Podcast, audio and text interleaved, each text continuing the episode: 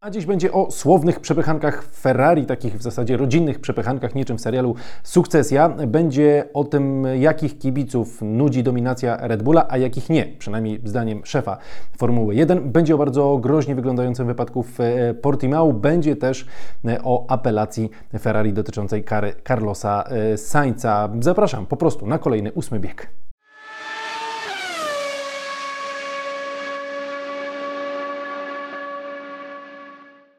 Partnerem ósmego biegu jest wypożyczalnia samochodów Odkryj Auto. Słuchajcie, nie wiem jak dla Was, ale dla mnie ta przerwa po trzech pierwszych wyścigach sezonu jest kompletnie bezsensowna, za długa.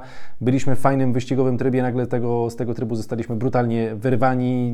Nic się nie dzieje, jest flauta kompletna, jeśli chodzi też o informacje, ale spokojnie, ja parę smaczków dla Was dzisiaj znalazłem. No, w każdym razie dajcie znać w komentarzach, jak Wy sobie z tą przerwą radzicie, bo dla mnie po prostu ona już trwa za długo. Dajcie, oddajcie nam po prostu Formułę 1. Na szczęście są też inne serie e, i dwa słowa o WEC-u, czyli o długodystansowych mistrzostwach świata. Za nami runda na torze Portimao, no i świetny występ ekipy WRT, której barwę reprezentuje Robert Kubica. Panowie stanęli na podium na trzecim miejscu, choć start akurat sam nie był najlepszy, ale 6 godzin na nadrabianie, e, na odrabianie e, strat i, i, utrzymanie tego wyniku było, więc duże brawa dla Roberta i jego zespołowych e, kolegów. No i oczywiście teraz kolejna runda na SPA, a później w czerwcu Le Mans i z tej okazji chciałem Wam polecić nową kolekcję marki Divers. To jest kolekcja taka limitowana, unikalna, wydana z okazji stulecia wyścigu Le Mans, pierwsza edycja 1923, jak można sobie to elegancko e, policzyć. No i słuchajcie, taka na przykład bluza, tutaj pięknie e, odsłaniam, mm, też dziubek zrobiony, więc e, naprawdę Wam polecam. To jest też kolekcja stworzona przy współpracy z organizatorem wyścigu Le Mans, więc jeśli chcecie obejrzeć czerwcowe emocje, albo nie tylko te czerwcowe, także inne rzeczy właśnie w takich, w takich barwach, ale nie tylko takich, bo są też oczywiście inne kolory, to Was zapraszam na e, stronę, którą macie w opisie tego, e, tego filmu. A ja przechodzę do e, kolejnych informacji i ta pierwsza informacja będzie powiązana z tym, co się działo w, w Portimao właśnie. Tam też były serie towarzyszące, no i była między innymi seria Porsche i podczas treningu do takiego wyścigu serii Porsche doszło do bardzo, ale to bardzo groźnie wyglądającego wypadku. Jeden z samochodów miał awarię hamulców i po prostu z pełną prędkością wyleciał z toru i przekoziołkował nad ogrodzeniem toru. E, sytuacja wyglądała bardzo źle. Na szczęście nie było tam żadnych kibiców na, na trybunach. W tamtym akurat miejscu byli obok i zrobili szybko zdjęcia, nawet tam jakieś amatorskie nagrania, ale tam za wiele nie, e, nie widać. E, strach pomyśleć, co by było, gdyby to było w trakcie sesji, podczas której są kibice. FIA już zapowiedziała, że przyjrzy się tej sprawie i jakieś wnioski mają być wyciągnięte, no bo nie tak to powinno działać. Oczywiście nie jesteśmy w stanie przewidzieć wszystkiego i nie jesteśmy w stanie przewidzieć tego, że sam samochód nagle z pełną prędkością wyleci i się tak odbije i tak akurat fizyka zadziała, że poleci na drugą stronę płotu, ale no może jednak warto się właśnie temu, temu przyjrzeć. Słuchajcie, jest przerwa w Formule 1, ale to nie oznacza, że poszczególne osoby z tego świata nie zabierają głosu, wręcz przeciwnie. Najważniejsze persony ze świata Formuły 1, czyli panowie, którzy tym całym kramikiem rządzą, mieli taką sesję pytań, taką konferencję, jeśli chodzi o całe Liberty Media. No i między innymi mieliśmy tam Stefano Domenica Lego, czyli CEO Formuły 1, no i opowiadał pan Stefano o paru ciekawych kwestiach. Między innymi e, padły tam pytania o serial Netflixa, o, o, o, plany związane z tym serialem. No i tutaj zwrócono uwagę, że serial Netflixa to nie jest coś, co będzie trwało wiecznie i nie można wiecznie polegać tylko na popularności tego serialu. No i teraz F1 mocno e, jakby skupia się też na tym filmie, który ma być wyprodukowany między innymi przez Brada Pitta. E, zresztą Domenicali powiedział, że to będzie taka produkcja, która wejdzie do padoku, która będzie z kamerami w tym padoku obecna. E, zresztą już na, na jednym wyścigu byli tam, rozmawiali z różnymi zespołami. Na Silverstone między innymi mają się, mają się pojawić. No i Domenicali mówił, że też to trzeba odpowiednio ułożyć, tak żeby to nie zdenerwowało e, zespołów. Jestem ciekaw, co dokładnie będą kręcić, jak to będą później wykorzystywać w filmie, ale no mają być w tym filmie ponoć sceny właśnie z, e, z takiego prawdziwego weekendu Formuły 1. Bardzo jestem ciekawy, jak to, e, jak to rozegrają. No i mówią, że właśnie także ten film ma być takim kolejnym krokiem do zdobycia jeszcze szerszej publiczności. Zobaczymy, bo film jest jednak mniej angażowany angażujące niż serial Netflixa z tego względu, że są tam fikcyjne postacie, a nie prawdziwe, z którymi miliony kibiców na świecie się utożsamiają. Więc y, może to nie mieć aż takiego efektu, znaczy myślę, że nie będzie miało takiego efektu, y, ale może parę osób parę naście, dziesiąt, setek tysięcy zainteresuje tym sportem. Y, Stefano Domenicali powiedział też o, o kibicach i o, i o, dominacji Red Bulla. I to jest też pytanie do Was, bo Domenicali jakby przedstawił taką tezę, że nowi kibice Formuły 1, którzy pojawili się tam w ostatnich latach, mm, nie są, e, znaczy jakby dla nich dominacja Red Bulla nie jest czymś fatalnym, nie jest czymś nudnym i, i takim, i to nie jest to taka rzecz, która może ich odciągnąć od tego sportu, że bardziej ci starzy wyjadacze, jeśli chodzi o kibicowanie Formuły 1, to bardziej mm, dla nich jest jakby taka trudna rzecz do przełknięcia. Kurczę, ja myślałem, że jest zupełnie odwrotnie, że właśnie dla tych starych wyjadaczy, kibiców, którzy od lat oglądają ten sport, już byli przyzwyczajeni, a to Ferrari, a to Red Bull kiedyś, a to Mercedes później, e, teraz, e, teraz mamy Red Bulla. Jakby wiemy, że czasami w takich cyklach to, to idzie i to nie jest tak, że każdy sezon będzie wyglądał jak sezon 2021. Chcielibyśmy tego, ale tak nie jest i tak raczej aż tak jak w 221 nie będzie zawsze. No ale Dominikali twierdzi odwrotnie, więc jeśli jesteście albo starym wyjadaczem, albo wyjadaczką, albo nowym kibicem, kibicką, to dajcie znać, czy jak na Was ta dominacja działa, bo no nie wiem, wydaje mi się, że trochę to odwrotnie może być, ale może są jakieś badania, których akurat nam Stefano im przedstawił, ale, e, ale może tak rzeczywiście e, jest. Słuchajcie, za drzwiami bawi się, bawi się Józek, a tutaj Fela zasnęła i poszczekuje przez sen, więc zobaczymy, co tam się złapie na mikrofon. Mam nadzieję, że, e, że niewiele. Trudne warunki. E, e, Stefano Domenicali wypowiedział się też na temat nowych zespołów, które chcą dołączyć do Formuły 1. Powiedział, że jest wiele ekip, które chcą do F1 dołączyć. Przypomnę, że teraz trwa ten proces którym zainteresowani przesyłają dokumenty, taki jeszcze bardzo wstępny proces. Do końca kwietnia można te dokumenty wysyłać, no i później teoretycznie do końca czerwca mają być jakieś decyzje podjęte. No i znowu Domenicali mówi, że niektórzy, niektóre zespoły więcej o tym mówią, niektóre mniej, więcej mówi oczywiście Andretti.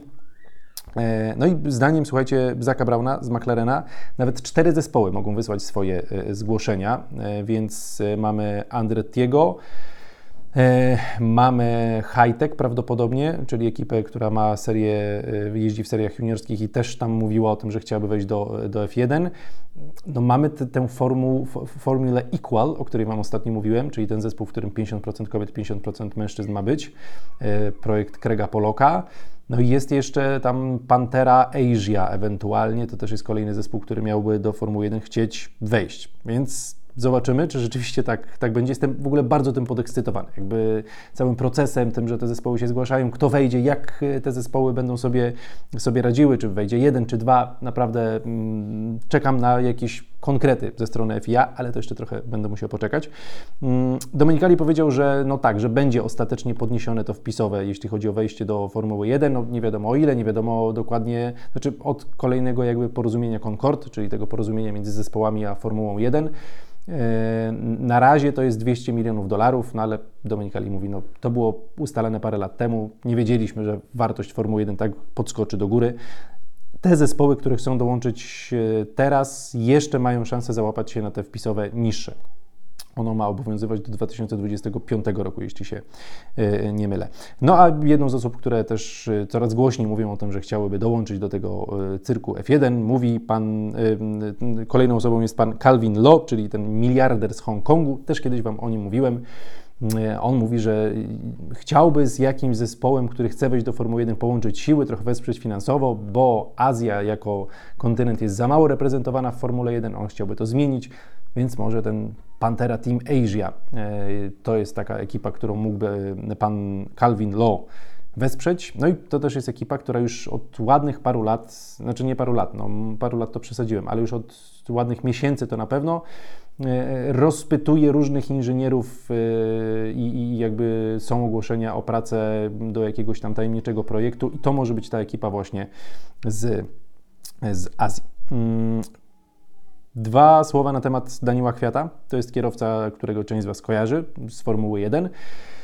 Z Formuły 1 się rozstał, e, skupił się na wyścigach długodystansowych, no i w długim dystansie Daniel Kwiat będzie jeździł dalej, ale od przyszłego roku już w ekipie Lamborghini. Mm, włoski producent będzie jeździł w tej najwyższej klasie w długodystansowych Mistrzostwach Świata, też w IMSie.